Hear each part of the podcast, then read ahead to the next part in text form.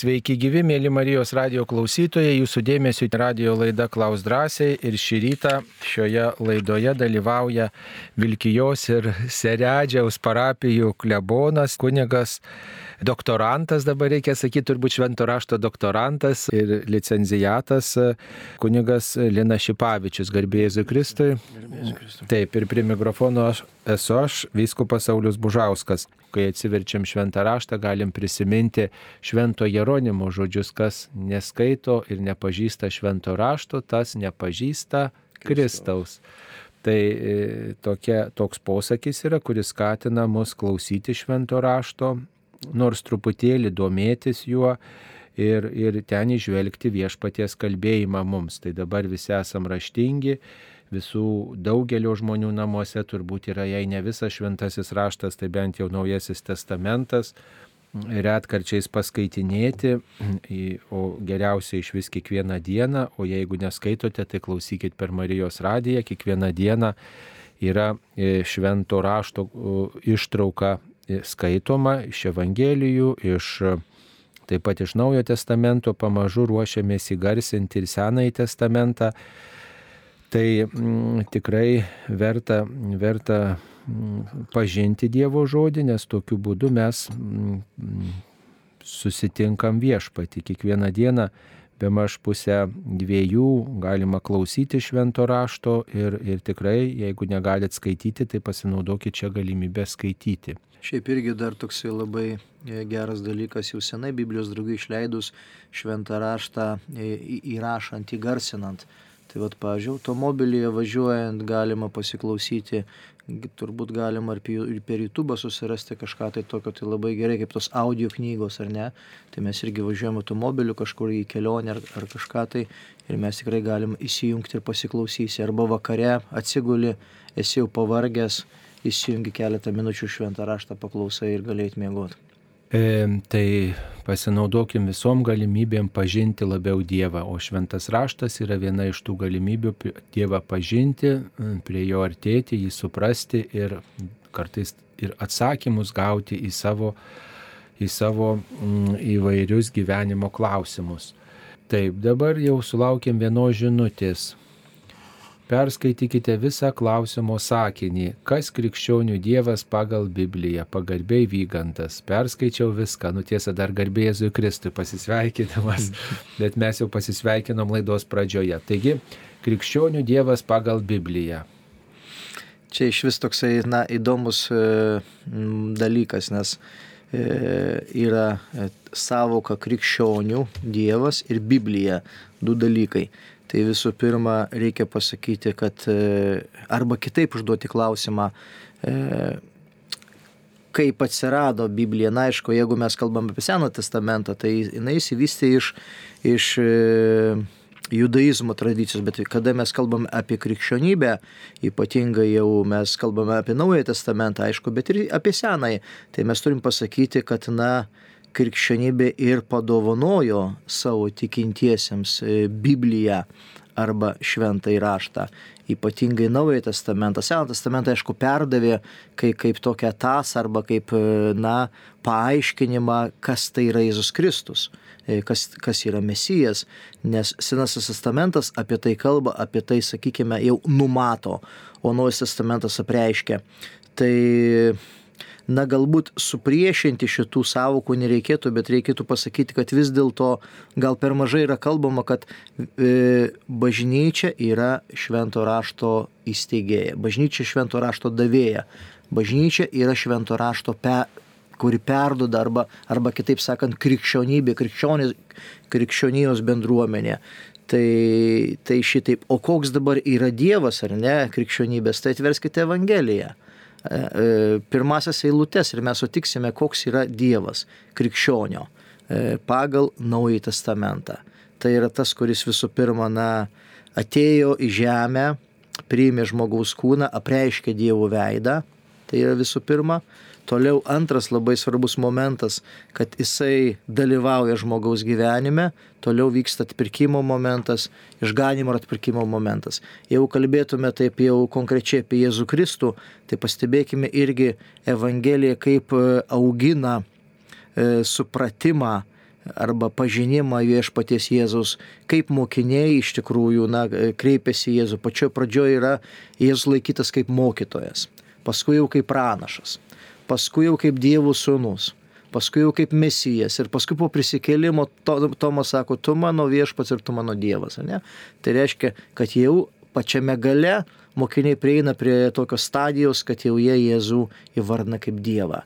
Tai galbūt trumpai vat, atsakymas būtų šitą klausimą, bet žmonės kažkaip tai galvoja, kad Biblija kažkas tai yra, na, tokio sterilizuoto, kaž, kažkas tai nepaliesto, o sakykime krikščionybė arba, arba, arba bažnyčia tai yra nuodėmingų žmonių bendruomenė. Tai nėra, tai va iš tos nuodėmingų žmonių bendruomenės atsirado Biblija arba išaugo Biblija.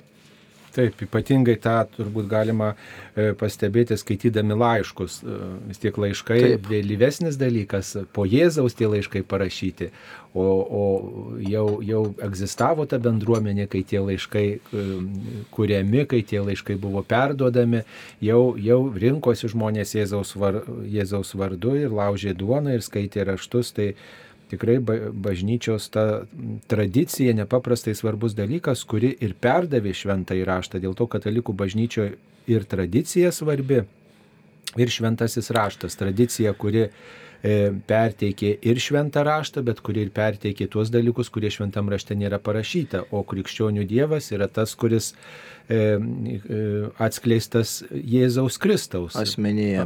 Jėzaus žodžiuose, Jėzaus gestuose. E, evangelistai vieni į vienus dalykus atkreipė dėmesį, kiti į kitus ir va, sudedam visumą ir matom, kad Jėzus ir gailestingas, ir, ir, ir jautrus, ir švelnus, ir, ir griežtas kai kada. Ir teisingas. Ir teisingas turi įvairiausias savybės, taigi Jėzaus asmuo. Ir gal turbūt svarbiausia, na, tas, kuris išpildė, na, taip tiesiogiai, šimtaprocentaliai viešpaties dievų valią, tas įvyko atpirkimas, ką krikščionybė visa kalba. Na ir tas kryžiaus liepinys irgi jisai labai yra svarbus mūsų gyvenime.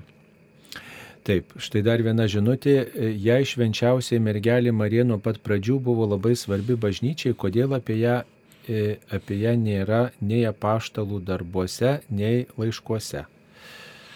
Kodėl nėra, turbūt sunku pasakyti, greičiau lengviau pasakyti, kodėl yra kažkokia viena kita užuomina apie kažką. Šiaip tai, na, Marijos e, vaidmuo yra prašytas Jėzaus gyvenimo istorijoje. Tai, na, egzegetai yra suskaičiavę, kad Marija Evangelijose e, yra aprašoma 22 vietose tai nėra taip mažai. Bet mes turime, na, pasakyti, kad Evangelijų parašymo tikslas buvo apie Jėzų, ne apie Mariją. Yra apokrifinės, e, sakykime, Evangelijos apie Mariją, viskas tvarkoj, bet jeigu mes skaitome kanoninės Evangelijas, tai būtent ten yra Jėzaus istorija. Nes pirmiesiams krikščionėms reikėjo pasakyti arba preikšti, kas yra Jėzus. Ir tarp Jėzaus istorijos yra būtent ir apaštalai, yra jo ir priešininkai, yra taip pat ir jo šeima, yra taip pat ir švenčiausia mergelė Marija. E, kalbant apie pašlų darbus, jau ten yra pasakojama apie pirmąją bažnyčią. Ir aš jums pasakysiu, pavyzdžiui, jeigu jūs atverstumėte pirmąjį skyrių pašlų darbų, nuo 14 iki 17 eilutės ten yra apie Mariją, kada yra šventosios dvasios atsintimas tai skaitytojas truputėlį gal nedėmesingai skaitė paštlų darbus, bet Marija dalyvauja šventosios dvasios atsiuntime. Tai yra labai svarbus momentas, nes tai yra, na, paskutinis išganimo tas regimasis momentas. Paskui jau bažnyčia e, toliau keliauja per šitą žemišką gyvenimą. Apašlas Paulius ar ten kiti, kiti autoriai, kurie rašė mm, e, tam tikroms bendruomenėms, tai aišku buvo labiau tokie, na, pamokomieji laiškai arba ten dogmatiniai laiškai ir aišku, tuomet nėra, nėra pasakojimų arba nėra istorijų iš vis apie, apie kažką tai tokio, tik tai, pavyzdžiui, pas Pašlą Paulių, pirmas laiškas korintiečiams rašo apie Eucharistijos įsteigimą.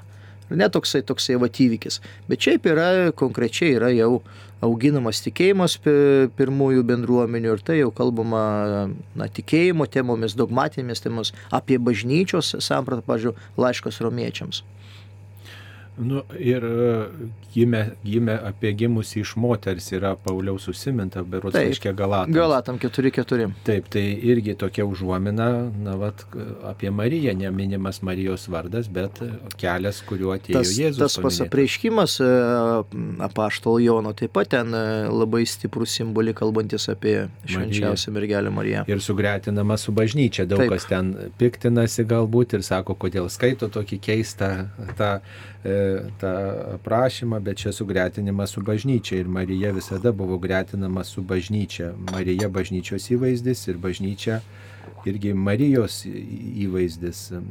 Viena kitą papildo šie, ši, šio, šios dvi tikrovės. Taip, dabar dar viena žinutė. Švento rašto žodžiai. Imkite ir valgykite, tai mano kūnas, imkite ir gerkite, tai mano kraujas. Kaip paaiškinti netikinčiajam? Na, va, aš galvoju, jūs verta aiškinti tam tikinčiajam. Tai jeigu tas tikintysis subręsta truputėlį, mes kartais norime, na, padaryti tą meškos paslaugą, kad, vat, ateiti, įtikinti, Įrodyti įpūsti į, į jam į širdį, į protą, vienu žodžiu, kad jisai tikėtų. Na, manau, kad kiekvienas turi tą tikėjimo kelią ir, ir įrodyti kažką. Tai, bet tai yra, šitie žodžiai yra Euharistijos įsteigimo žodžiai, tai yra labai svarbus. Arba kitais, kitaip galima pasakyti, tai yra naujosios sandoro žodžiai. Tai jie yra, na, pamatiniai. Pamatiniai būtent e, paskutinės vakarienės, tos lėpinio, kur išgyvena kiekvieną kartą, kada mes švenčiame šventas mišes ir kada mes išgyvename Velyknaktį. Tai galbūt irgi ne, nevertėtų tų žodžių kažkaip tai, na, labai tenai visiems kalbėti, kad jie paskui netaptų tokie labai jau paprasti arba priprantami, kaip mes sakome, kad, na, va, Dievas yra meilė, ar ne, toksai, va, jau visi žino. Ir ant maikučių yra parašyta, ir ant, ant plakatų yra parašyta ir taip toliau, bet tai yra, na, labai stiprus švento rašto, na, pasakymas, kad Dievas yra meilė. Tai čia taip pat, čia yra, čia yra Eucharistijos įsteigimas ir čia parodimas, čia iš tikrųjų e, duona ir kraujas tai yra Jėzus buvimas tarp mūsų. Kitai, kitai, kitai žodžiais. Jeigu, jeigu sakykime, tas vat, pagonis, netikintis arba šiaip kažkoksai tai New Age atstovas, jisai klausia, nu, parodykit jų, savo Dievą, ar ne? Parodykit Jėzų Kristų. Tai va, prašau ant altoriaus, tai yra mūsų Dievas. Bet to tas valgymas yra toks susivienijimo būdas. Mes, Tai yra santykio būdas. Viena vertus mes, pavyzdžiui, žinom, kad, sakykime, žmogus valgo vienos rūšies maisto produktus, pavyzdžiui, Taip. morkas. Taip. Ir yra žinoma, ir medikai tą patvirtins, ir, ir, ir visi tie specialistai, kurie duomisi maistu, jeigu žmogus valgo daug morkų, tai gali net ir jo veido oda pasikeisti, pagelsti. Taip. Arba, pavyzdžiui, burokėlius valgo, žmogaus kraujas gali sutirštėti po kiek laiko. Tai, žodžiu, nuo maisto keičiasi keičiasi mūsų kūnas. Substancija. Taip, jeigu valgai daug cukraus, vėl dantim ten, žodžiu, žala ir, ir visam organizmui žala. Tai žinom, kad maistas turi poveikį, bet taip pat mes žinom, kad ir mūsų dvasiai e, e, turi poveikį tai, ką mes aplinkui stebim, su kuo bendraujam, koks santykis yra. Pavyzdžiui, žmogus žiūri daug siaubo filmų prieš naktį, tai jo miegas irgi bus jau kitoks. Vadinasi, jo psichikai turi įtakos, ką jis į save, į savo, į savo sielą siela taip sakant, geria, traukia į save. Tai lygiai taip pat, jeigu mes tikim, kad yra dvasinis pasaulis, kad yra dvasia žmoguje, Dievo įdėktas panašumas į viešpatį, tai mes va irgi norim tą panašumą į viešpatį stiprinti. Ir tai yra būdas, Dievo paliktas būdas, kaip mums ne tik tai kūną puoselėti, ne tik tai mūsų psichologinę sveikatą rūpintis, bet ir mūsų dvasinį gyvenimą stiprinti. Va. Be to, tai yra tradicija Seno testamento šventimo Velykų, žydų, žydų išėjimo iš Egipto nelaisvės, tai yra įsilaisvinimo simboliai, nes, nes per, per paską taip pat žydai na, valgo ir tą duoną ir vyną, o pas mus šitie simboliai įgavo būtent jau ir kančios, mirties ir prisikėlimo simbolius, kada mes žvelgime į Jėzaus na, paliktą ant Eucharistinio stalo duoną ir vyną, tai mes taip pat prisimename jo kančią, mirtį ir prisikėlimą ir viltį mūsų į amžiną gyvenimą. Tai yra tai mūsų tas tikėjimo depozitas. Tai mėly klausytojai, kviečiu siūsti klausimus apie šventą raštą, tikrai pasinaudokit šitą galimybę, būna kitose laidose ir mes kartais sutrinkam, kai negalim labai išsamei paaiškinti, tiesiog taip mm, e, e, paaiškiname iš bendro kunigo išsilavinimo, o štai čia žmogus, kuris specialiai studijuoja, skiria laiką ir domisi tom temom, tai tikrai nepatingėkit atsiversti švento rašto ir pažiūrėkit, kurios eilutės jums rūpi, kad užduotumėte būtent konkrečius su šventuoju raštu susijusius klausimus. Štai viena žinutė apie Jono Evangelijos 14 skyrių antrąją eilutę. Kaip tik tai šią savaitę liturgijoje e, e, skaitome Evangeliją pagal Joną. E, taigi 14 eilutė antrasis skyrius. Mano tėvo namuose daug buveinių. 14 skyrius antroji eilutė. Mano tėvo namuose daug buveinių. Jeigu taip nebūtų, argi būčiau pasakęs, einu jums vietos paruošti. Mm, tai tos buveinės rūpi mūsų klausytojams. Čia Jėzaus atsisveikinimo kalba ir kas yra tos buveinės, apie kurias kalba Jėzus.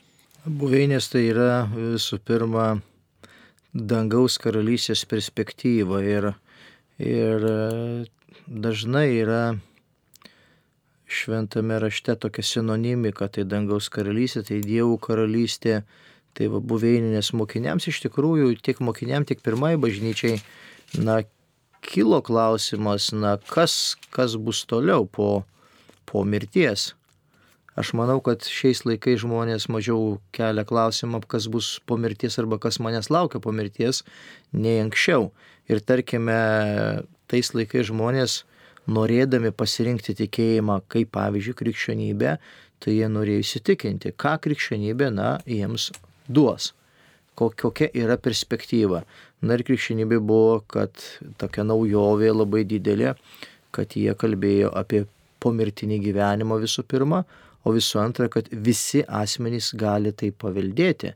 Nebuvo atskirta, kad ten vergas, kad ten laisvasis, kaip, kaip kitose, sakykime, religijose, bet visi galėjo tai padaryti ir dėl to Čia yra iš tikrųjų labai įdomus e, skyrius 14, nes paskui kalba apie tą, na, šventąją dvasę, apie parakletą, apie godėją, kad, kad Jėzus atsiūs e, ir, ir bus, e, tarkime, tas pilnatvė bažnyčios. Tai buveinės galima taip kalbėti, taip labai trumpai, kad tai yra, na, dangaus karalystė arba dangus bet tas dangus tai ne tas, kurį mes žiūrime ir jisai mėlynas, bet dangus tai yra, kur yra Dievas. Dievo buveinė, Dievo vieta. E, ne tik tai Dievo, na ir visų, visų mirusiųjų, šventųjų vieta, tai yra tos būtent buveinės. Bet aišku, kartais e, žmogiška kalba jinai negali atiduoti to, to Dievo iš tikrųjų perspektyvos, dėl to greikų kalba panaudojo graikišką žodį mone. Monė yra būtent, na, ta buveinė, ta vieta, e, buvimo vieta, kur, kur yra viešpats Dievas. Dar turbūt čia turima galvoje ir tai, kad e, įvairiems žmonėms paruošta vieta Dievo artumoje. Taip. Ir turbūt mes kartais galvojam, kad čia mes tikim, va taip teisingai gyvena, bet va kitas gal irgi tiki, bet kažkaip gal kreivai atrodo gyvena, bet Dievas jisai myli visus žmonės ir jam ir savitų būdų atves pas save, jeigu tik tai žmogus netmes Dievo. Bet čia toliau, jeigu skaitysime, skaitome, sakykime, jau tolimesnės jau 11 eilutė e, to pačio skyrius yra pasakyta, tikėkite manim, kad aš esu tėve ir tėvas manie, bet jei netikėsite, tai netik, netikėkite dėl pačių, tai tikėkite dėl pačių darbų. Tai taip pat, na, tos buveinės viskas tvarko, jos mūsų laukia, bet mes turime auginti tikėjimą, nes jeigu mes nedarysime žingsnelių į priekį, tai tos buveinės taip ir liks tuščios. Bus kitam galbūt atiduota buveinė, kuri man skirta, nes taip. aš neatsiliepiau, gali taip, taip būti. Taip ir taip. E, na ir jeigu dar apie šitą skyrių svarstytume, e, turbūt labai daug visokiausių klausimų ir minčių kelia 14 skyriaus 12 e, eilutė. Iš tiesų, iš tiesų sakau jums, kas mane tiki, darys darbus, kuriuos aš darau ir dar už juos didesnius, nes aš keliauju pas tėvą. Tai štai kas tie didesni darbai, negi jau galima kažką daugiau padaryti, negu Jėzus padarė. Na, mes e, pašlų darbuose sutinkame, kaip Petras praeina, ten jo, jo šešėlių tenai gydo, arba ten, kas tik tai prisiliečia Petro irgi drabužio apvadą, visi pagyja. Tai mm, Jėzus kalba, kad jeigu ten turėsite tikėjimą e, ir skelbsite e, Jėzus Kristus asmenį, tai dar dės, darysite dar desnius darbus, ar ne ką padarė Jėzus, tai ir prikelimas iš numirusiųjų Petras taip pat atliko ir, ir sakykime, pagydymai tie ypatingai apaštalų darbuose yra prašomi. Tai bažnyčia turi šitą charizmą. Bažnyčia turi šitą charizmą ir, ir Dievas, sakykime, duoda tam, kam būtina. Ir dabar kartais klausimas yra, kaip čia dabar yra, e, pirmoji bažnyčia čia gydė, prikelinėjo, o dabar, sakykime, to dalyko nėra. Tai taip pat viskas priklauso nuo Dievo malonės. Matyt, tame laikmetyje Dievas matė, kad tai yra tikinčiajam arba bažnyčia yra reikalinga. Šiais laikais, matyt, Dievas mato, kad, na, dabar bažnyčia turi kitus instrumentus auginti tikinčių tikėjimą. Gal mūsų tikėjimas silpnas, kad tokių darbų nedarom kaip anais laikais? Manau, kad tikėjimas yra, tikėjimas galbūt yra didesnis, mes turime prieimą prie tikėjimo. Tarkime, mes galime ten į šventovę bet kokią nuvykti, ar į, ar į Romą, ar į, ar į šventą žemę, ar, ar ten dar kažkur tai. E, bet paprasčiausia tai yra, na, tokia dabar išganimo istorijos dalis. Nes viena buvo tokia labai na, manifestuojanti tais visais pagydymais, taip pat labai tokia kova su, su demonu, su, su piktaidavose, su švarinėjimais. Dabar yra bažnyčia ta, kuri, na, intelektualiai galbūt stengiasi pažinti Dievo paveikslą.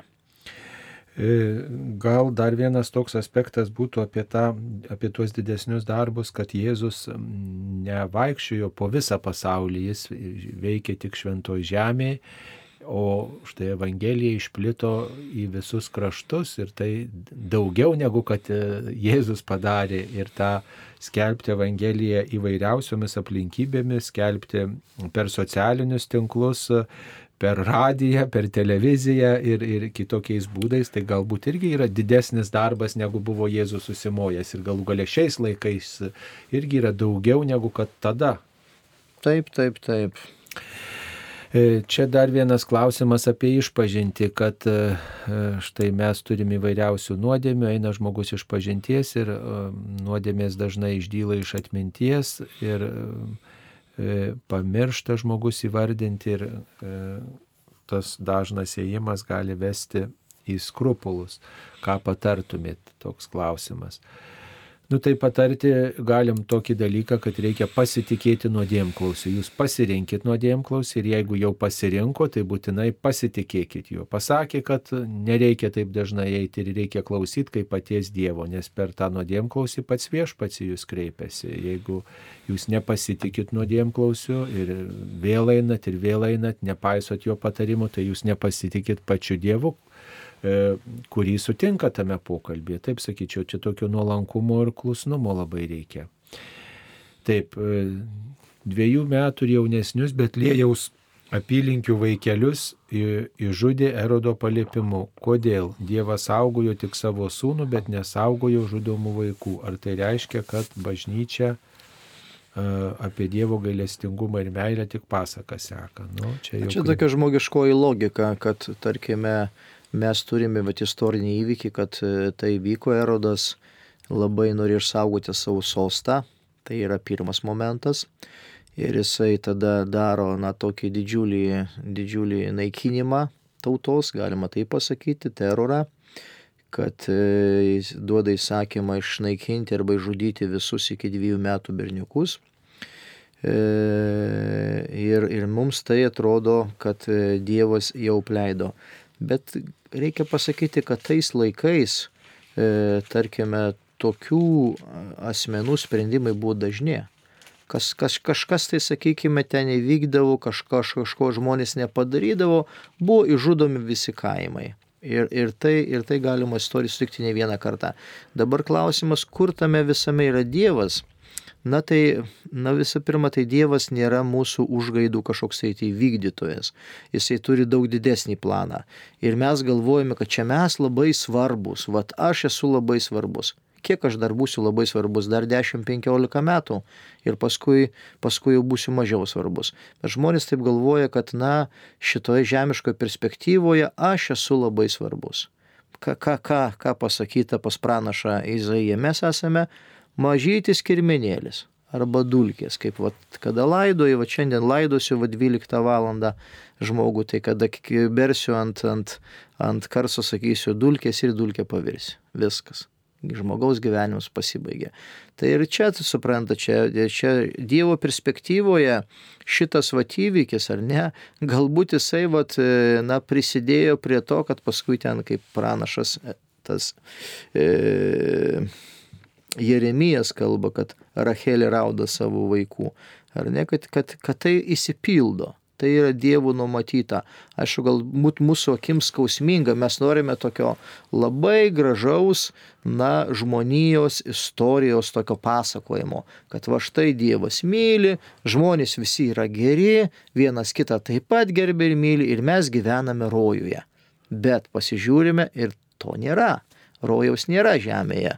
Na ir žmonių visokių yra, o tais laikais žmonės iš vis buvo labai žiaurūs, labai, na galima sakyti, egoistai, žiūrėti tik save, bet iš kitos pusės kiekviena diena jiems buvo, na, išgyvenimas. Mes dabar tai atsikeliame, atsidarome šaldytuvą, atsipjauname dešros, sūrio ir viskas geriau. Tais laikais atsikėlė ir nieko nėra. Šaldytuvo nėra, e, nieko nėra. Jeigu šiandien surasi kažką pavalgyti, tai tu gyvensi, o jeigu tu nesurasi ką gyventi, tu numirsi. Ir tokia buvo perspektyva.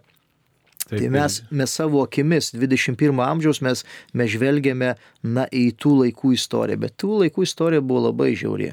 Ir, ir, ir tai, tai buvo netgi natūralus dalykas, ten irgi ten kaip kalba apie tą prie Siloamo bokšto, kaip tenai žuvo daug žmonių. Tai irgi ten buvo Romos imperijos na, įsakymas įžudyti arba ten dar kažkas tai tokio. Tai ar tas pats, pavyzdžiui, kaip Jeruzalė 70 metais ėmė, šie septyni metai buvo karas tarp Romos imperijos ir, ir Izraelio ir irgi žmonių žuvo. Tada reikia klausimas, a kur buvo Dievas. Na tai Dievas nesikiša į tokius konfliktus, nors mūsų akims tai atrodo labai svarbus dalykas. Bet Dievo perspektyvoje tai toks dalykas yra, na, kaip ir apsivalymas arba kaip sutvarkymas e, tam tikrų na, pozicijų, galima taip pasakyti. E, dar viena žinutė prašo paaiškinti apie kalbėjimą kalbomis, apie tai rašoma šventajame rašte. Na, nenurodo, nenurodo tiksliaus vietos, bet čia e, turbūt. Čia Pauliaus, Pauliaus yra charizmatai korintiečiams e, laiške pirmajame ir antrajame laiške korintiečiams, tai yra netgi, vadinasi, tie, mm, kokios yra šventosios dvasios dovanos arba kokias patiria. Tik tai reikia visada pasakyti arba reikia duoti šaltą dušą.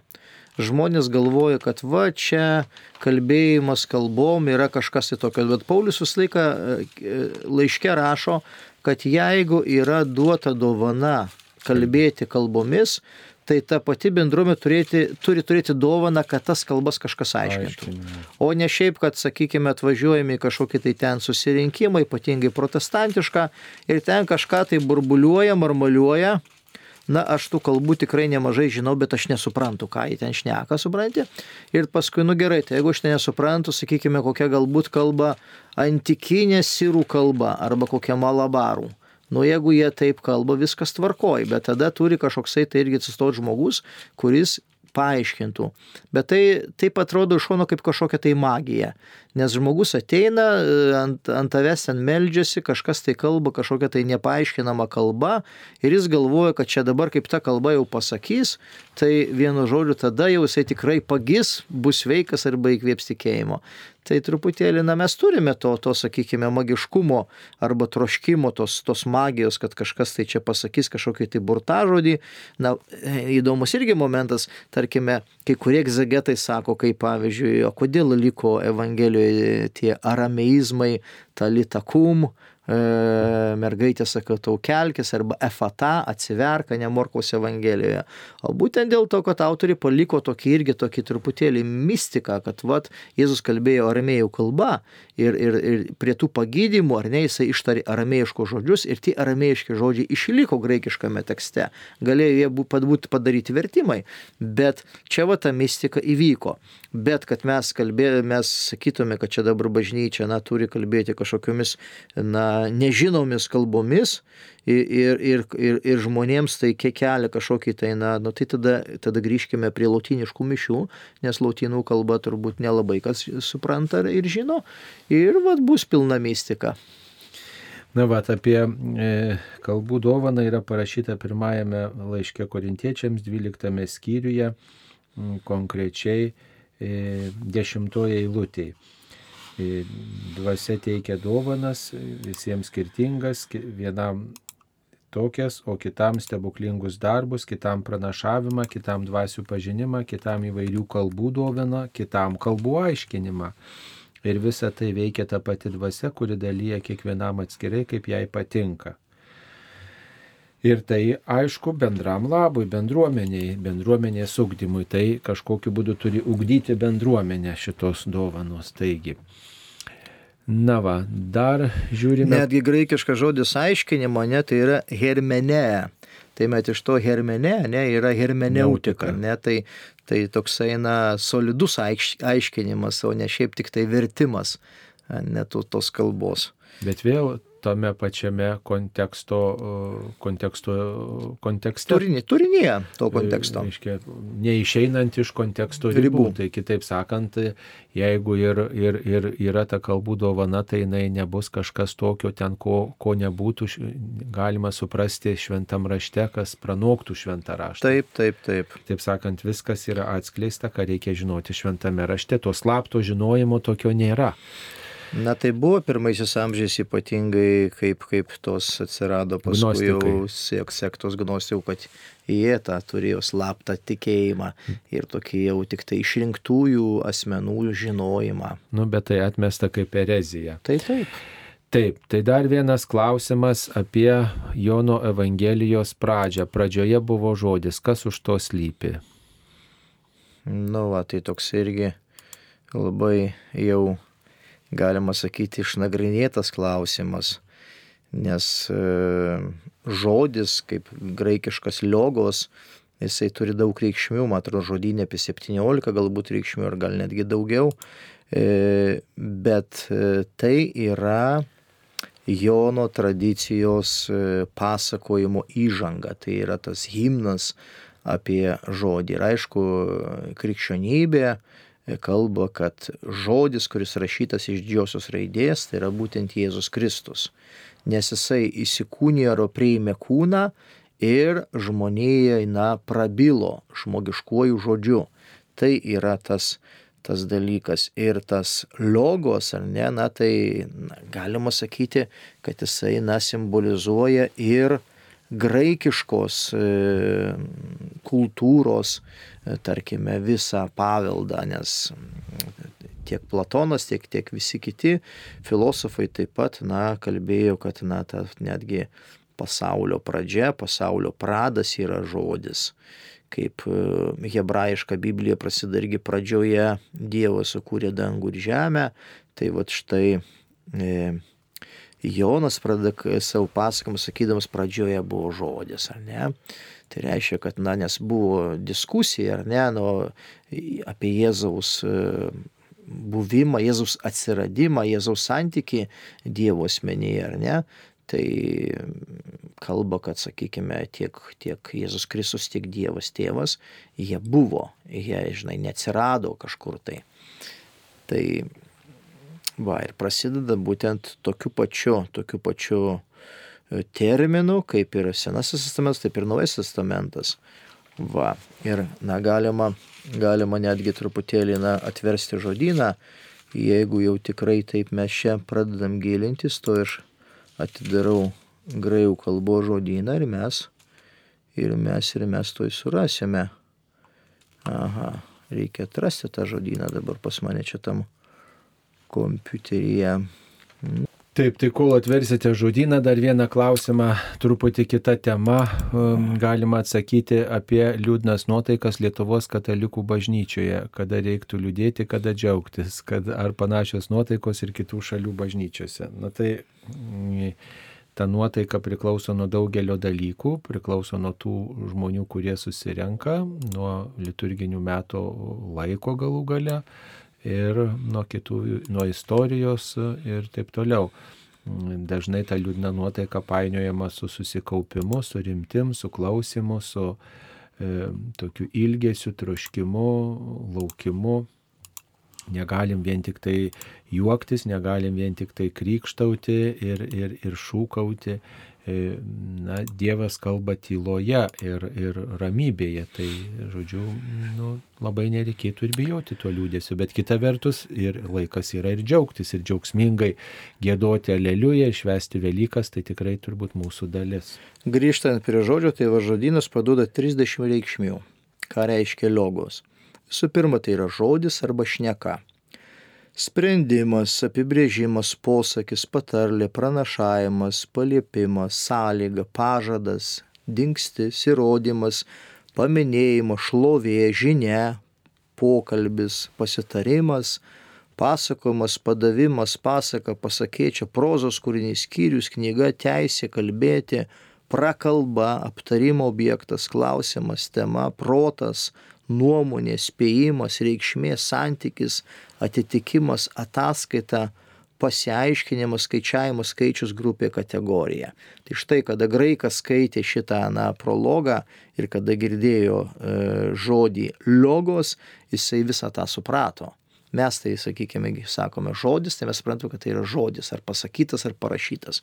Bet pas juos, pažiūrėjau, netgi gali būti žinia, gali būti šlovė, gali būti, na, kiti E, kito, kitos reikšmės, tačiau, na, vis dėlto jie į Biblijos vertimo istoriją kaip, kaip žodis ir Jėzus dažnai yra simbolizuojamas kaip tas logos. Bet logos, aišku, graikiškoje filosofijos kultūroje tai yra tas, kuri, ant kurios stovi na, žemės pamatas. Tai jisai, taip pat jisai yra tikėjimo pamatas, ypatingai krikščionių bendruomeniai. Jisai nu, labai užima svarbę vietą nu, tiesiog ir pasaulis atsirado, kai Dievas tarė žodį.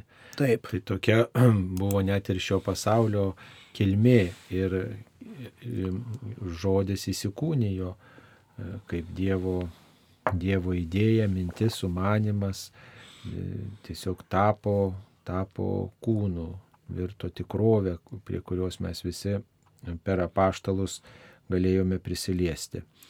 Dabar dar viena žinutė apie Jono Evangelijos 16 skyrių e, nuo 12 iki 15 eilutės. Jono Evangelija 16 skyrius nuo 12 e, iki 15 eilutės. Prašo pakomentuoti. Dar daugel jums turėčiau kalbėti, bet dabar jūs negalite pakelti. Kai ateis toji tiesos dvasia, jūs įves į tiesos pilnatvę ji nekalbės iš savęs, bet skelbs, ką bus išgirdusi ir praneš, kas turi įvykti. Ji pašlovins mane, nesims iš to, kas mano ir jums tai paskelbs. Visa, ką tėvas turi, yra ir mano, todėl aš pasakiau, kad ji ims iš to, kas mano ir jums tai paskelbs. Čia yra kalba apie parakletą arba apie šventąją dvasę, apie gudėją, kuris apie kurį kalba 14 skyrius ir Jėzus čia kalba būtent e, jo charakteristiką, jo, mm, jo veiklą. Ir e, pastebėkime, kad tarkime Jono Evangelijoje tas, ta šventoji dvasia arba jos atsiuntimas iš karto vyksta, na, Jėzui atėjus pas apaštalus. Jisai ateina į, į aukštutinį kambarį, paskutinės vakarinės kambarį, įsikvepia juos, sako, imkite šventąją dvasę. E, galima sakyti, na, sinoptikų tradicija arba pašlų darbų tradicija jau kalba, kad tas šventojų dvasios sutimas įvyko vėliau, ar ne, po Jėzaus įžengimo dangų. O tarkim, jauno tradicija kalba, kad tai vyksta iš karto. Tai yra, na, toksai, reikia pasakyti, senesnis, arhaiškesnis pasakojimas apie šventosios dvasios ateimą. Na ir, ir tas parakletas, kuri, kuris na, vartojamas čia Jono Evangelijoje, tai jisai rasim simbolizuojamas kaip, kaip, kaip šventosios dvasios asmuo. Ir tai yra, tarkime, 13 eilutė. 13 eilutė kalba apie, apie tai, bet kaip padėjėjas tiesos dvasia. Na ne, o mūsų vertimas yra, kai ateistų į tiesos dvasia, įves jūs į visą tiesą. Kadagi ateis ana dvasia tiesos. Na va, jau vienas įdomiai e, švertės jisai kalba vietoj anas, ar ne, jisai įdėjęs jau tą parakletą, kuris, na, bažnyčioje tikrai žaidžia labai didelį vaidmenį ir tai yra šventosios dvasios vienas iš tokių apraiškų. Tas parakletas ir parakaleo, arba iš graikiško žodžio, tai netgi, na, užtarė bendruomenę. Užtarė bendruomenę, na, veda per šitą gyvenimą. Nu, dar čia turbūt tose eilutėse, ypač to 12 eilutėje, galima išvelgti tokį palaipsninį tikėjimo augimą ir pažinimą, kaip ir Marijai, kaip apaštalai iš karto nesuprato, kas tas Jėzus yra ir, ir tik tai po sėkminių e, gavę šventąją dvasę, e, na, suvokė Jėzaus pasiuntinybės misiją, Jėzaus tapatybę, taip ir, taip ir krikščionių įvairios kartos nu, auga tame pažinime. Parakletas davė netgi tokios drąsos, nes mokiniai iki atsiuntimo šventosios dvasios tai sėdėjo aukštutėm kambaryje, užsidarę ir bijojo dėl žydų baimės, kad jie taip pat nebūtų suimti ir nukryžiuoti. O kada ateina šventoji dvasia, Petras drąsiai pradeda kalbėti, jūs nužudėte Jėzų, ne, jisai nebijo pasakyti ten e, dviems tūkstančiams, trims tūkstančiams žydų, ne.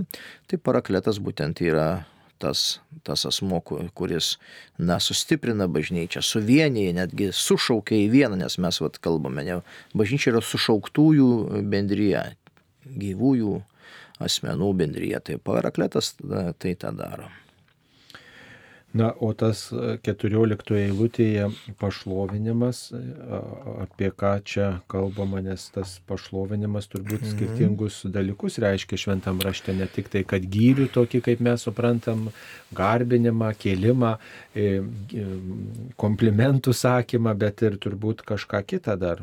Jis pašlovins mane, nes jums iš to, kas mano, ir jums taip paskelbs doksadzo, graikiškas žodis, na, iš to kilęs doksa, šlovė, garbė, tai yra būtent, kad, na, e, pakels iki manęs arba, arba, sakykime, arba parodys, kad mes esame, na, vienos, vienos prigimties, vienam, sakykime, galima sakyti, lygmenyje, pakels į Dievo garbę, pakels į Dievo šlovę. Tai yra jau kalbama apie tai, kad, na, patvirtins, patvirtins e, visus tuos dalykus, e, kuriuos e, Jėzus kalbėjo. Ir aišku, Jėzus pateks į šlovę, kur, kuri yra numatyta jam atlikus tą žemiškąją čia tą tarnystę. Taip, dar viena, viena žinutė apie Jono Evangelijos 11 skyrių 26 e, eilutė, Jono Evangelijos 11 skyrius, 26 eilutė. Ir kiekvienas, kuris gyvena ir tiki mane, neragaus mirties per amžius, ar tai tiki. Šitaip Jėzus tarė mortai. E, skamba kaip reklaminės pažadas. Ar tiki šiuo atveju reiškia kažką daugiau negu pripažinti Jėzų? Mm, čia yra tas sena Lozoriaus Na, Lozorius numiršta, Jėzus ateina, tarytum specialiai po keturių dienų, nes tais laikais buvo privalu laikyti tris dienas, o čia jau yra keturios dienos, jau jis yra palaidotas, ar ne, ir, ir visi susirinkę praudą. Ir Jėzus, aišku, sako, neverkite, noriskite akmenį ir yra diskusija būtent su, su Morta. Ir Jėzus kalba, 26, 25 eilutė, va čia prasideda, aš esu prisikėlimas ir gyvenimas, kas tiki mane, nus ir numirtų, bus gyvas. Ir kiekvienas, kuris gyvena ir tiki mane, neragaus mirties per amžius. Ar ne? Tai čia yra kaip visko pasauliu sako, tai yra reklama krikščionybės, bet tai yra Jėzus pasakyti žodžiai. Ir, ir čia mes niekur ne, nepabėgsime, kad tikėjimas Jėzumi, tikėjimas Jėzumi ir, ir žinojimas, kad Jėzus yra prisikėlimas ir gyvenimas, jisai taip pat tikinti įveda į gyvenimą. Ir pažiūrėkite, paprasta moteris, kuri gyveno tenai kaime, na, Betanijos kaime, ten 9 km kažkur tai, e, ar ten mažiau, ten apie 3 km turbūt nuo Jeruzalės, ar ne, jinai, jinai išpažįsta tokį tikėjimą. E, prisikėlimu, žinojo gyvenimą ir jinai tiki, kad tas lozerius tikrai prisikels. Ir Jėzus klausė, ar tai tiki? Ir jie atsako, taip viešpatė, aš tikiu, jog tu mesijas, Dievo sūnus, kuris turi ateiti į šį pasaulį. Žiūrėkite, jis kalba apie prisikėlimą ir gyvenimą arba kelią, o Morta iš karto kalba labai tiesiai ir aiškiai, tai yra kaip ir pirmosios bažnyčios toks išpažinimas, kad Jėzus yra mesijas, Dievo sūnus, kuris turi ateiti į šitą pasaulį. Tai kitaip sakant, tas neragaus mirties per amžius reiškia apie prisikėlimą, apie, apie tą nežuvimą per amžius, ne apie šitą mirtį, kurią dabar vat, žmogus turi išgyventi, bet sakytum apie tą amžiną pražuvimą reiškia, ne? tai kitaip sakant, neragaus tos amžinos mirties, to išnykimo Taip. neragaus, tą žemišką mirtį, kai mes ne tik paragaujam, bet mes ją, ją panyram, visiškai į dulkės pavirstam, tai to niekas negali paneigti ir pats Jėzus ją buvo paniręs į tą į tokią že, nu, žmogišką mirtį, numirė kaip žmogus, kaip ir kiekvienas žmogus miršta, bet, bet Jėzus nesunyko kape, jisai, jisai pakilo iš kapų, taip sakant, tos amžinos pražūties neragavo, to išnykimo visiško, Taip ir mes, jeigu tikim Jėzumi, mes nors ir numirsim žemišką šitą mirtim, žmogišką, bet mes nepražūsim amžinai. Va tos amžinos pražūties reikia saugotis ir į tą amžiną pražūtį veda nuodėmė, veda Dievo atmetimas, Jėzaus atmetimas, negyvenimas taip, kaip Jėzus moko. Tai... Nebuvimas bažnyčioje paprasčiausiai irgi tas dalykas, nes žmonės galvoja, kad nes bažnyčia yra ta, ta vieta, E, kuri, na, žmogui laiduoja tą amžiną gyvenimą. Jeigu tu nesi bažnyčioje, tai tada klausimas, ten kažką tai individualiai, asmeniškai darai kažkokias tai mankštelės praktikas ir tu galvoji, kad jau ten turėsi amžiną gyvenimą, tai yra savęs apgavystė nu čia truputį puikybė kvepia arba ta nuoskauda kažkokia bažnyčios atžvilgių, žinai, yra ta tokia nuostata, Dievui tai, bažnyčiai ne. Maždaug taip. čia bažnyčia, tai čia sukčių gvardija, Gauja. čia sėdi ilgas kverniai, aiškina kažką, o aš tikiu Jėzu, aš su juo atsiprašau, aš čia su juo taip. pabendrauju galbūt taip. kartais. Taip. Tai čia... Miške. Taip, miške, ar, ar lauke, ar, ten, ar ten kaip bebūtų, bet nes čia primena bažnyčios visas nuodėmės, viską, bet čia Čia yra didelis pavojus toksai, ne, nes bažnyčia palikta kaip Dievo bendruomenė. Ir mums ne viskas bažnyčioje patinka, ne viską mes galim pakeisti. Taip. Ir, ir, ir bandom, ir mėginam, ir, ir melžiamės, ir, ir viską, bet neišeina. Ir, bet, bet, bet čia yra mūsų namai, ir jūsų namai, visų mūsų namai. Ir mes negalim atmest bažnyčios kaip Dievo paliktos bendruomenės, kad ir kokia jinai būtų ribota. Bet tai jinai turi tą dievišką tokį pradmenį, paties Jėzaus sutelkta ir jai patikėta šventasis raštas, ir jai patikėta e, Evangelijos žinia ir išgelbėjimo tie tos priemonės, sakramentai, per kuriuos mes patiriam Dievo artumą. Mes negalim taip jau visiškai sakyti, tai man nepatinka. Nu, nepatinka gal kaip tepa, nepatinka kaip krikštie, nepatinka kaip komunija dalina, nepatinka kaip tas žodis kelbė, bet kito būdo nepaliko Jėzus. Taip, bet kitas dalykas, bažny, būti bažnyčio, tai, tai ugdyti labai didelę kantrybę. Nes mes tikrai, vat kaip ir visko pasauliu sakė, mes e, taip pat esame labai nepatenkinti ir mes galbūt norėtume visus išmokyti, išauklėti, bet mes kartais matome, kad, na, kad tas žmogus nesugeba e, to dalyko arba jis per mažai būna bažnyčioje. Vat kaip pavyzdys irgi va, toksai, vakar buvo šventos mišios pas mane e, laidotuvių ir, ir žmonės ateina į laitos pavėlavę ant tėvė mūsų maldos, jau kada baigėsi šventos mišios ir jie ateina komuniją. Nu ir man yra šokas, nes komuniją gali priimti, kada tu dalyvauji visose šventose mišiuose, kada tu klausai Dievo žodžio, kada tu klausai, na, Eucharisijos įsteigimo ir dabar ką tiem žmonėms sakyt, aš jums neduosiu šventos komunijos, nes jūs atėjote ant tėvė mūsų maldos. Nu aš taip nepadariau. Va, bet, bet viduj man, man paėmė nervą, supranti, galvoju, va. Na tai vadinasi, žmonės per mažai praktikuoja, ateina tik į laidotuvės, į bažnyčią ir dėl to jie elgesi vat tokią formą. Nugaila, kad žmonės kartais abejingi ir paviršutiniški, mes visi tom lygom sergam, bet paskiau turim labai brangiai mokėti už šitos lygos pagyjimą, tai tikrai reikia kuo labiau pasirinkti viešpatį.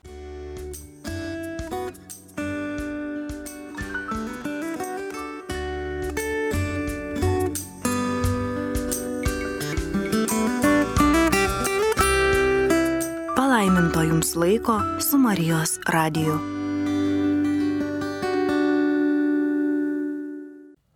Čia toksai labai platus klausimas, garbėzui Kristui, prašau, paaiškinkite apreiškimo Jon, Jonui 5-6 skyrių.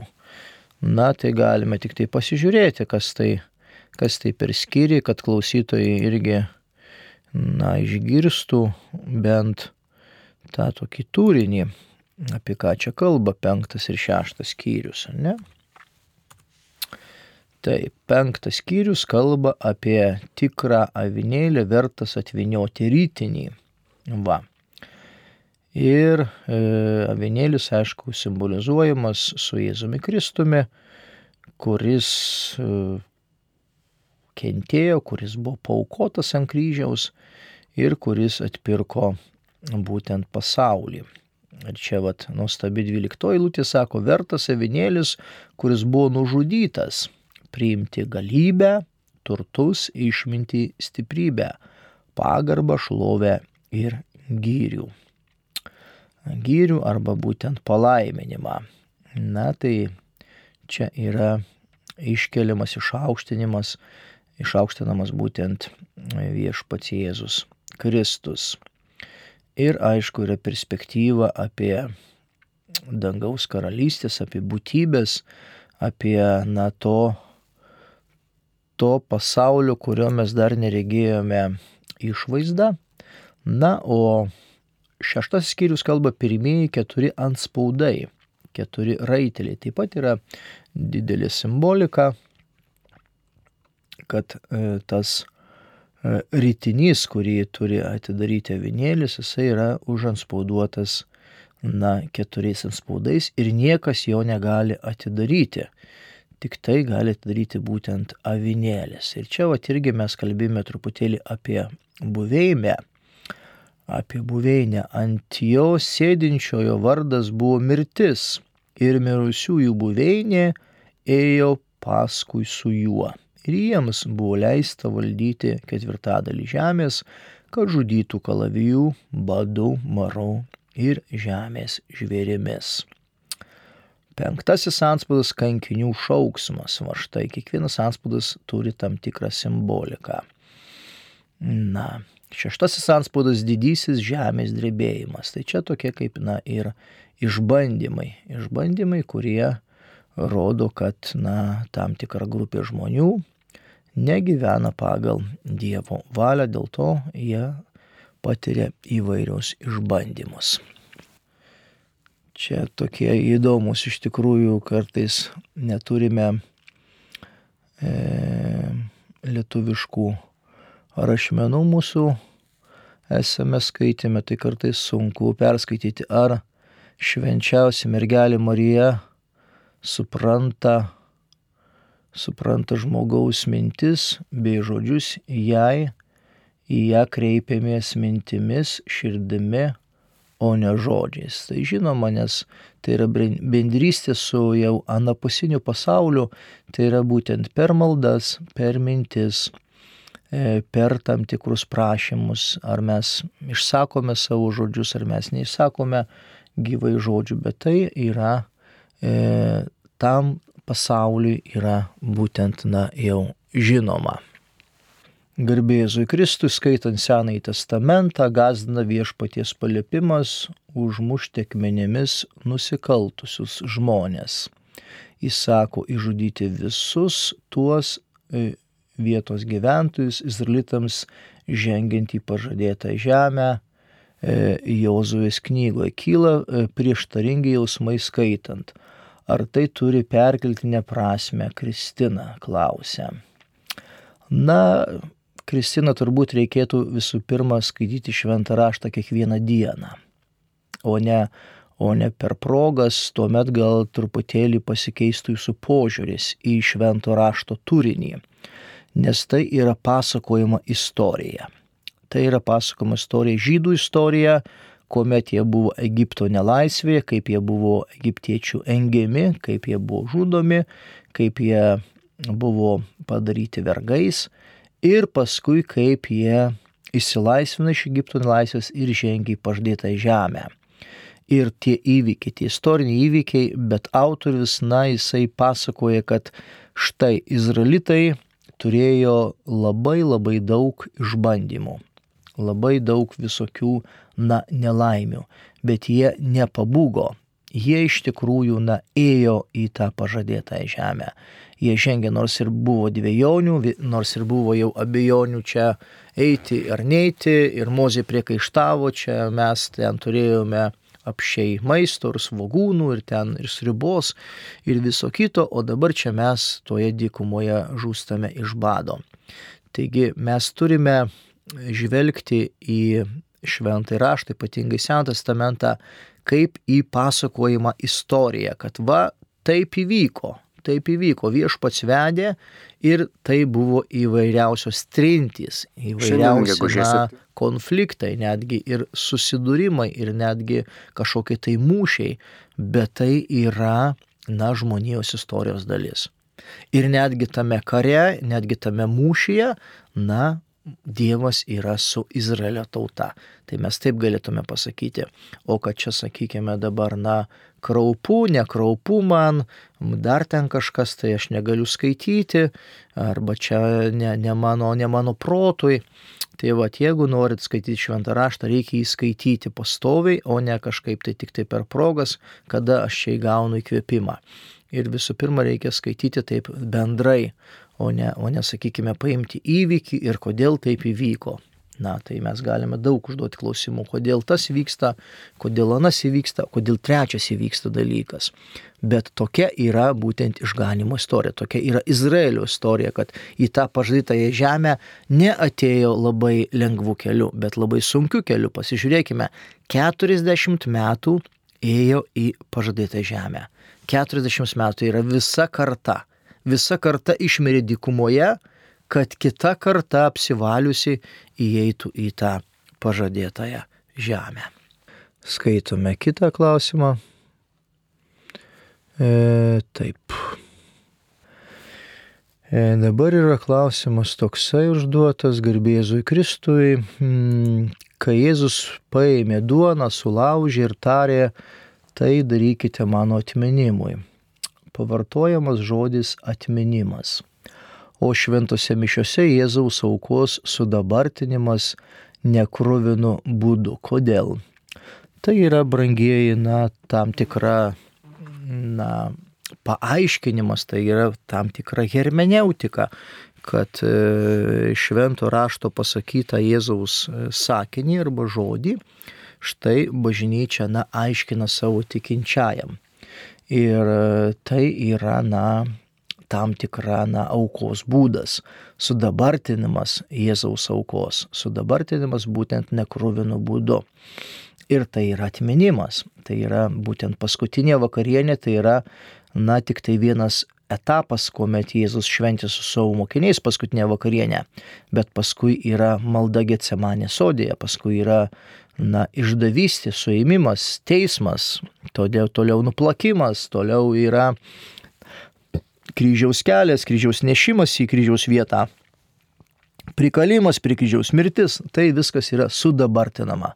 Sudabartinama nekruvinu būdu, tai yra Jėzaus aukos įvykiai, faktiniai Jėzaus kalbos, Jėzaus kančios įvykiai. Na, va, kitas irgi įdomus klausimas, kuriuose Biblijos skyriuose galima paskaityti apie vegetarizmą, klausia Danielius. Šiaip, na, Biblija neatsako į tokius, vat, e, tokius specifinius klausimus. Aš, mes galime sutikti e, pradžios knygoje iki, iki Tvano, kad e, taip manoma, kad žmonės, na, galbūt ten mažiau valgė tos mėsos arba nevalgė, paskui po nojaus sandoros Dievas paveda nojui ir visai žmonijai valgyti mėsą. Bet tai, tai nėra tikslas švento rašto parašyti, tarkime, ar vegetarizmas yra gerai, ar vegetarizmas yra blogai, ar mes čia dabar bū, turime būti visi vegetarais arba veganais, arba nebūti. Tai yra, na, penktaeiliai arba dešimtaeiliai klausimai. Pirmieji klausimai tai yra būtent, na, kas yra Dievas, e, kokią jisai užima mano vietą gyvenime, na, koks yra mano gyvenimo tikslas, e, e, kaip aš turiu gyventi šitą žemiškame gyvenime, ką aš turiu daryti ir taip toliau. Tai va šitie klausimai, jie yra gvildenami šventame rašte, bet ne sakykime, vat, tam tikri tokie specifiniai klausimai. Aišku, mes galime taip pat rasti, bet tikrai biblinis autorius neusijima specialiai e, šitą tematiką. Na ir dabar skaitome toliau. Skaitome, skaitome garbė Jėzui Kristui. Ne kiekvienam E, pamaldžiam suprasti kalbų dovaną, nes tai yra šventosios dvasios dovana. Kaip ir suprat, supratimo dovana, prašykite ir gausite, jei neturime, nereikia, kad, e, nereiškia, kad nėra. E, kiekvienam skirtinga charizma, Dievas dalina skirtingai, moko mylėti skirtingus mus, tai pažadėta Dievo pilnatvė, jis atskirs pelus nuo grūdų.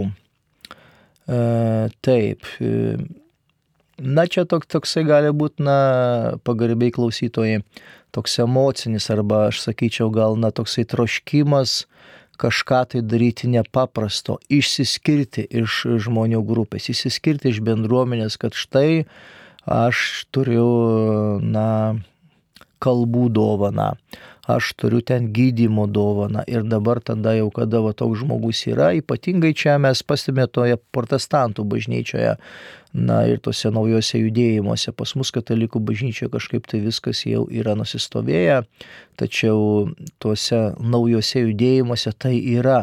Ir tas žmogus tampa toksai, na, dvasinis toksai vedlys, dvasinis vadovas.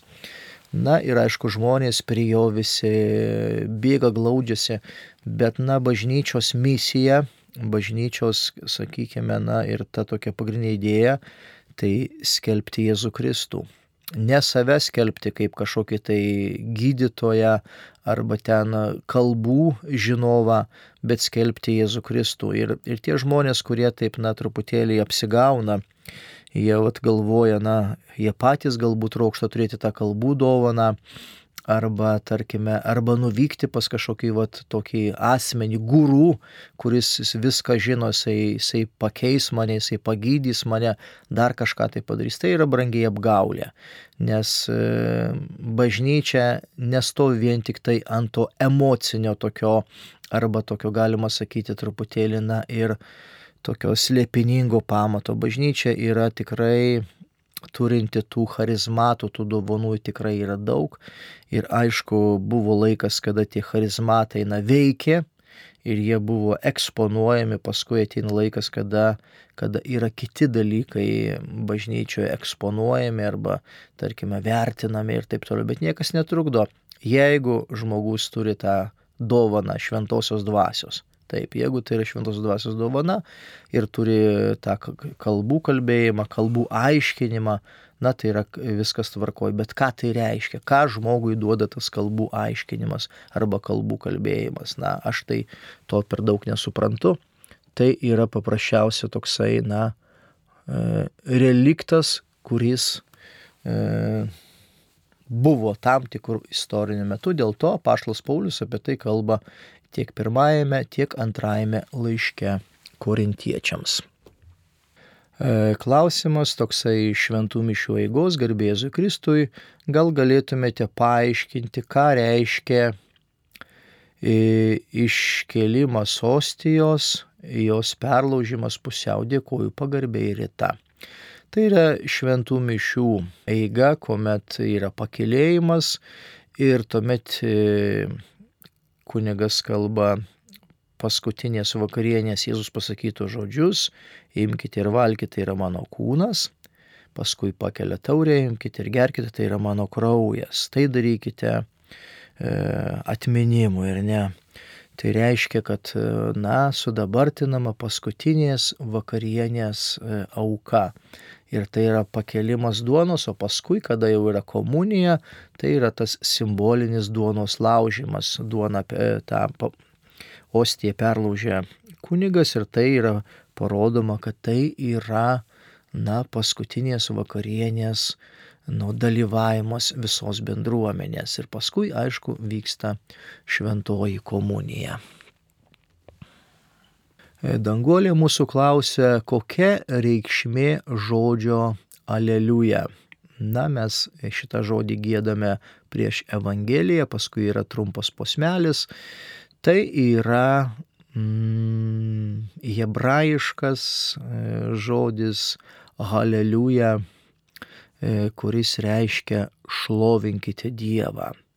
Irgi mes kalbėjome šiandien laidoje, kai kurie aramėjiški, hebrajiški žodžiai, jie užsiliko mūsų liturgijoje, mūsų vartosenoje, tai taip pat kaip ir amen, mes po kiekvienos maldos arba priima šventąją komuniją, sakome amen, taip pat ir aleliuja, gėdant e, liturgiją, prieš skaitant Evangeliją yra būtent kalbama arba gėdama šis žodis. Reiškia, šlovinkite Dievą. Haleliu, ja. Haleliu šlovinkite, ja yra sutrumpinimas žodžio Jahvis, tai yra Dievo e, tetragrama, keturios raidės, tai yra Dievo švento, šventas vardas, kuris buvo preikštas Mozijai e, degančiame krūme išeimo knygoje Trečias skyrius, keturiolikta eilutė. Galite atsiversti, paskaityti ir, ir įsigilinti. Taip, dabar mes skaitome Garbėzui Kristui įstatymo knyga, 32 skyrius, 39 eilutė. Pabandom perskaityti 32 skyrių. Mm. 39 eilutė. E, dabar įsidėmėkite, kad aš, e, aš vienas esu tas ir nėra kito Dievo be manęs. Aš dalyju mirti ir gyvastį, sužeidžiu ir išgydau. Niekas nepaėgia, nepaėgia išsigelbėti iš mano rankos. E, taip, tai yra Kavaliausko vertimas, pabandykime perskaityti dar Jurieną. E, matykite, na arba įsidėmėkite, arba matykite. E, dabar, kad aš, aš esu. Jis ir nėra Dievo šalia manęs. Aš užmušu ir atgaivinu, sužeidžiu ir pagydau ir niekas negali išgelbėti iš mano rankos. Ar viešpats siekdamas mus auginti panardina į auginančias situacijas. Taip, tai yra tiesa. Dievas visada, norėdamas mus stiprinti, auginti, lavinti, jisai mums prileidžia įvairias situacijas. Galime drąsiai skaityti na, Jobo knygą, kur taip pat Jobas patiria įvairius išbandymus ir tose išbandymuose žmogus auga. Tai čia mes matome labai tokius stiprus pakartoto įstatymo knygos žodžius, 32 skyrius nuo 39 eilutės.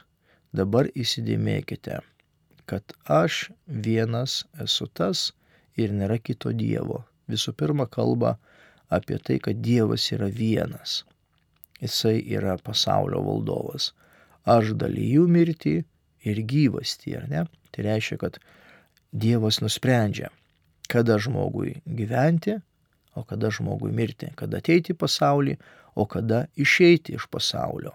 Sužeidžiu ir gydau, reiškia, kada patiria žmogus kažkokį tai, na, išgyvenimą ir jisai patiria pagyjimą. Niekas nepaėgė išsigelbėti iš mano rankos. Čia labai, iš tikrųjų, labai stiprus toks kalbėjimas, kad niekas nepaėgė išsigelbėti iš mano rankos. Tai reiškia, kad tas Dievo teismas žmogaus gyvenime įvyks. Žmogus galvoja dažnai toksai, na, vadinasi, stručio sindromas. Strutis įkiša galvą į žemę ir galvoja, kad jo niekas nemato. Arba vaikas susidengia akis ir galvoja, kad jo niekas nemato. Tai taip kartais žmogus galvoja, aš nieko neturiu bendro su Dievu arba su bažnyčia, tai man nieko nenutiks. Bet tai yra savęs apgaulė. Nutiks brangusis, ateis laikas, kada reikia stoti Dievo akivaizdoje ir tuomet bus jau labai liūdnas reikalas. Taip, čia tų žinučių eina jūra, pabandysime dar perskaityti ir atsakyti. Kodėl pradžios knygoje yra parašyta, kad Dievas atskyrė vandenis, kurie buvo danguje, nuo vandenų, kurie buvo žemėje? Ar galima teikti, kad kosmose yra vanduo, jeigu mokslinės teorijos neigia Dievo buvimo religijas? Kodėl krikščionybė neneigia kosminių teorijų? Na visų pirma, mes turime paskaityti komentarą į pradžios knygą, vat, vertėtų paskaityti, vat, mielas skaitytojau E, nes kartais na, mes ne viską žinome ir, ir tuomet viskas išaiškėja. Tai yra tikrai rimtų komentarų, ypatingai pradžios knyga, ten, tarkime, trijų tomų yra tenai penkių tomų, šešių tomų ir ten nuodugniai yra aprašyta, išaiškinta kiekviena eilutė. Nes švento rašto autorius, kuris na, rašė apie pasaulio sukūrimą, tai yra pirmas skyrius pradžios knygos jisai naudojosi būtent e, tuo metinės Babilonijos kosmologija. Ir tuo metinė Babilo, kosmologija Babilonijos būtent įsivaizdavo, kad na, e, danguje yra vanduo ir apačioje yra danguje, nes kaip lyja. Jie suprato, kad na, jeigu lyja, tai reiškia Dievas atidaro skliautą ir iš to skliauto lyja. Kada Dievas uždaro skliautą, tada vadinasi nelyja.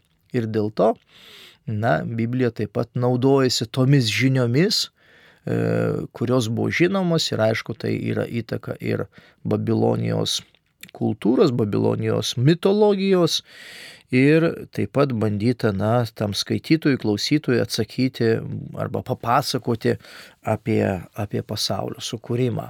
O paskui, aišku, mokslas eina į priekį, yra įvairiausios teorijos, bet Biblijos knyga arba pradžios knygos pasakojimas tai nėra mokslinis pasakojimas, tai yra religinis pasakojimas, tai yra, tai yra pasakojimas apie tikėjimą, o ne apie E, pasaulio atsiradimą, kaip jisai atsirado, kaip jisai susiformavo, kaip jisai tenai dar kažkas tai vyko. Tai yra jau e, gamta mokslių reikalas. Mūsų reikalas yra kalbėti apie Dievą, kuris sukūrė pasaulį, kuris sukūrė žmogų ir to pasakoje, na, žmogus gyvena tame pasaulyje kartu su Dievu ir vykdo Dievo valią. Labai įdomus klausimas. Ar turite pakankamai duomenų, kad mūsų tikėjimas pats patikimiausias ir nenuginčiamas nuo visų, nuo visų tūkstančio kitų, kurie sukūrė žmonės per savo egzistenciją. Taip, aš turiu duomenų, prašom pas mane atvažiuoti, pas mane yra trys kambariai pilni knygų. Ir aš jums galėsiu parodyti arba įrodyti tuos tikėjai, tuos, tuos sakykime, įrodymus pateiksiu e, tikrai. Tai rašo mokslinės knygos. Taip, dabar paskaitysime, paskaitysime Jono Evangeliją, penktas skyrius, 41-44 eilutės. Atverčiame Jono Evangeliją. Kas nežino, Jono Evangelija turi 21 skyrių.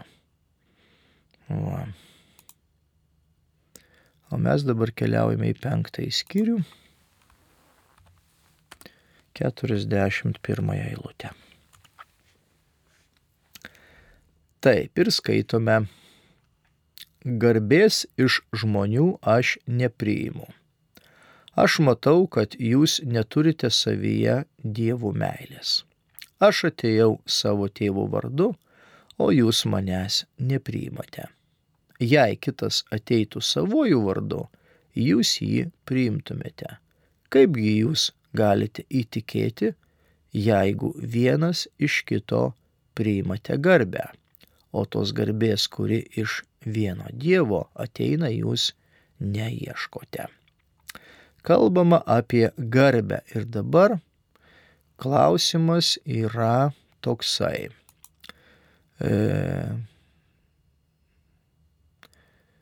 dėl, gar, dėl garbės, e, kuri vieną iš ko priimame. Kodėl? Aha, nu tai pakalbėkime čia tą apie garbę, nes e, mūsų ta žinutė su e, be lietuviškų raidžių ir čia tokie kaip klaustukai, sunku pasakyti, kuris stumia žmogaus pasi, pasidavimą į garbę. Kas tai yra garbė? Jėzus kalba apie tą vat, e, doksą, doksadzo buvo šlovė, garbė, garbės iš žmonių nepriimu, bet pažįstu jūs, e, kad meilės Dievo neturite savyje. Na, ta garbės arba, arba atidavimas garbės e, arba šlovės, tai yra būtent vat, santykis su Dievu ir žmonės iš tikrųjų galbūt labiau ieško. Ir čia Jėzus primeta savo klausytojams, kad žmonėms bendrauti ir, ir ten atiduoti garbę, tai labiau e, mėgstama e, žmonių kiratėje, nei Dievo kiratėje. Labiau žmonės garbinti, pastebėti, nei, sakykime, Dievą garbinti, išlovinti, e, ją melstis ir prašyti. Tai galbūt va tai būtų šitas paaiškinimas. E, Garbė Jėzui Kristui e, šventame rašte nekarta buvo per sapną įspėti ir tikėjo sapnais. Kodėl, sako, e, kodėl sakoma sapnais e, netiki? Ar sapnuojant mirusius už juos būtinai užprašyti šventasias mišes? Na, mes skaitome Naujame testamente ypatingai e, Mato Evangelijoje, kad e, visas veikimas Dievo šventam Jozapui tai yra per sapnus. Per sapnus. Ateina angelas ir jam pasako, mm, e, kaip sakoma, priimk, priimk švenčiausią mergelę Mariją, paskui keliauk į Egiptą, paskui grįžk į Egiptą. Taigi šventas Jozapas iš Dievo gauna kalbėjimą arba Dievo valią, jisai tik tai per sapnus. Ir tai bažnyčia priima ir niekas e, negirdėjau, kad e, kas nors pasakytų netikėkite sapnais. Tai, tai buvo, tarkime, Švento Jozapo istorija. O jeigu mes sapnuojame mirusiuosius, tai aišku būtina ar sapnuojame, arba pagalvojame, nebūtinai sapnuoti, galim ir pagalvoti. Tai verta tikrai už juos paukoti šventasis mišes ir taip e, pasimelsti už jų tą amžinai gyvenimą. Taip, sekantis klausimas. Garbėzui Kristui norėčiau pradėti skaityti šventą įraštą, bet nesuprantu, kaip tai daryti. Gal yra e, kokie paaiškinimai, kaip tai daryti. E, taip, tai Visų pirma, daug yra straipsnių, daug yra paaiškinimų, kaip skaityti šventąjį raštą. Na, priklauso nuo žmogaus irgi teologinio pasiruošimo. Jeigu žmogus neturi teologinio pasiruošimo, jam vertėtų pradėti skaityti nuo Naujojo testamento, nuo Evangelijų. Ir galima pradėti skaityti, pavyzdžiui, Luko Evangeliją ir apaštlų darbus. Tai yra Luko mm, veikalas, Luko kūrinys. Evangelija ir apaštlų darbai. Paskui galima skaityti Mato Evangeliją, Morkaus Evangeliją, na, Jono Evangeliją. paskui po kiek laiko pradėti skaityti e, laiškus. Aš iš tikrųjų prisipažinsiu, tai aš pačioj pradžioje, kaip tik jau ruošiausi stoti į kunigų seminariją, nu, jau gilinau savo tikėjimą, tai aš perskaičiau e, nuo pradžios iki galo vieną kartą Naująjį Testamentą, tai reiškia nuo Mato Evangelijos iki apreiškimo e, Švento Jono, vieną kartą, antrą kartą, trečią kartą. Na, man kažkaip tai viskas e, ten buvo suprantama, ypatingai tas turinys, o paskui jau būdamas kunigų seminarijoje pradėjau skaityti ir Senąjį testamentą. Įvairūs yra būdai. Dabar, tarkime, skaitimo irgi tas dydis, na, kalbama, kad nu, daugiausia galima per dieną perskaityti kokius du skyrius. Bet nebūtina, paimi kažkokią tai pastraipą, perskaityti 15-20 eilučių kažkokį tai pasakojimą ir galima padėti knygą į vietą. Nebūtina, kaip vat, per metus perskaityti visą šventą raštą. Tai yra nebūtina. Paprasčiausiai mes skaitome ne dėl to, kad perskaityti, bet dėl to, kad mes susipažintume su turiniu ir kad tas turinys į mus prabiltų, prakalbėtų ir mes kažką tai patirtume iš to. Mhm, žiūrime žiūrime klausimus. Taip, sekantis klausimas. E, taip, čia kalbama irgi toksai įdomus klausimus. E, dar kartą pakomentuokite apie Biblijoje minimus pusdievius. Na, tokie pusdieviai turbūt e, Biblijoje mes nesurasime, tik tai yra na, tam tikros užuominos, tam tikri galbūt na, komentatorių pamastymai, tai yra pradžios knyga ketvirtas skyrius, kuomet ten kalba, kad iš dangaus nužengė būtybės, jos tenai pradėjo gyventi su žemės moterimis ir iš jų ten išaugo, e, na, tokie didingi, žmo, dideli žmonės. Tai va čia yra, bet čia Biblija tai ta knyga, kuri kalba apie Dievą, bet ne apie pusdievius, arba dar apie kitus asmenis. Tai, tai yra ne Biblijos mm, intencija. Biblija kalba apie vieną Dievą, gyvąjį Dievą, kuris na, sukūrė dangų ir žemę, kuris sukūrė žmogų, kuris veda žmogų per gyvenimą. Ir tai yra Biblijos pagrindinė mintis, o ne apie, aišku, ten kalba apie pagoniškus dievus, kurie E, kurios garbina na, aplink gyvenančios pagoniškos tautos. Taip pat Sename testamente arba kaip papaštas Paulius nuvyksta į, į Graikiją, Atenus, vaikšto po Areopagą, ten mato įvairių ten dievų tas skulptūras, bet tai, tai nėra na, Biblijos e, vedamoji mintis.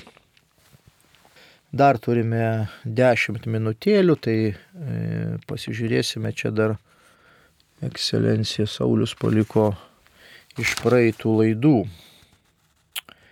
E, klausimą, pažiūrėjau, toksai vat įdomus klausimas, kuo skiriasi vulgata nuo septogintos? Vat. Na tai vulgata yra šventasis raštas, senasis ir nuojasis testamentas išverstas į lotynų kalbą, kadangi bažnyčioje praktiškai jau nuo ketvirto amžiaus visi kalbėjo arba daugelis kalbėjo lotynų kalba, buvo rašoma lotynų kalba, dėl to reikėjo, kad šventas raštas irgi būtų na, prieinamas lotynų kalba ir buvo įvairiausi vertimai daromi.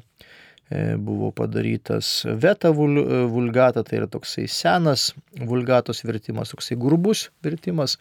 Vėliau e, šventas Jeronimas na, pataisė ir išvertė, e, kuris turbūt nuo 4-5 amžiaus iki, iki antro Vatikano susirinkimo jisai gyvavo, tai beveik pusantro tūkstančio metų bažnyčioje. Ir jisai iki šiol yra labai vertinamas ir, ir žmonės skaito. Dabar klausimas apie septuagintą. Septuaginta buvo vertimas į graikų kalbą E, pradėtas kažkur trečiam amžiuje prieš Kristų, 350 metai buvo, kuomet e, žydai diasporoje išvykę į, į graikiškas teritorijas, ypatingai na, į Egiptą, į Aleksandriją. Tenai pradėta formuotis tas religinis e, akcentas, religinis viduriukas. Ir tenai buvo auginamas tikėjimas. Ir aišku, ten begyvenant atsiranda paskutinė švento rašto knygos, tai yra pirma, antra Makabėjų knyga, e, išminties knygos, kurios buvo parašytos graikų kalba, taigi septoginta, galima sakyti, turi jau pilną tą švento rašto knygų kanoną, e, kaip ir e, vulgatą. E, hebrajiškas tekstas neturi visų e, knygų sąrašo, nes paskutinės knygos atsiranda švento rašto būtent greivų kalba ir jos yra septogintoje. E, sekantis klausimas irgi labai toksai įdomus. Kas ir kada nutarė, kad tekstai turi sudaryti Bibliją? Ne, va, sename tas senas testamentas buvo irgi palaipsniui jisai formuojamas, kūriamas. Tai yra žmonių, žmonių tikinčiųjų bendruomenė, perrašomas, redaguojamas, kuris paskui įeina į Seno testamento kanoną ir jisai galutinai susiformavo 180 metais po Kristaus Jabnė susirinkime. Žydai nustatė, kad tokios ir tokios knygos eina į Švento rašto kanoną, į Seno testamento kanoną. O Naujojo testamente, apie Naujojo testamentą kalbama jau papijas, šimtieji metai paskui Irenėjus šventasis kalba 180 e, metai, o taip jau oficialiai iš tikrųjų švento rašto kanonas nusistovėjo ir buvo užtvirtintas, tai yra per e, Tridento susirinkimą 1547 metais. Tai irgi praktiškai 15 amžių bažnyčia skaitė tai vienas, tai kitas knygas, kurios paskui jau įžengė į tokį striktę teologinį švento rašto kanoną. Taigi matome, kad šventas raštas iš tikrųjų atkeliavo su labai ilga laiko perspektyva. Senasis testamentas praktiškai na, susiformavęs jau antrame amžiuje buvo patvirtintas, o, o tarkime seniausi, seniausi tekstai yra 12 amžius prieš Kristų. Tai, nu, 14 šimtmečių, 1400 metų kelionė iki, iki dabartinės versijos ir Naujas Testamentas taip pat yra kažkur tai apie 1500 metų kelionė iki dabartinio žmogaus. Tai yra išties na, patikrinta, išgrininta e, tradicija, kurią mes e, skaitome. Taigi tai yra labai didelė vertybė tikinčiajam, e, kuris turėtų na, semti, skaityti ir būtent gilintis į šventąjį raštą. Taigi, brangus Marijos radio klausytojai, su jumis aš buvau kunigas Lina Šipavičius, Vilkijos ir Siredžiaus parapijų klebonas. Taip pat e, pirmoje laidos dalyje buvo vyskupas Saulis Bužauskas, jisai šiuo metu Kauno arkiviskupijos auxiliaras, tai yra pagalbininkas arkiviskup Kestučio Kėvalo.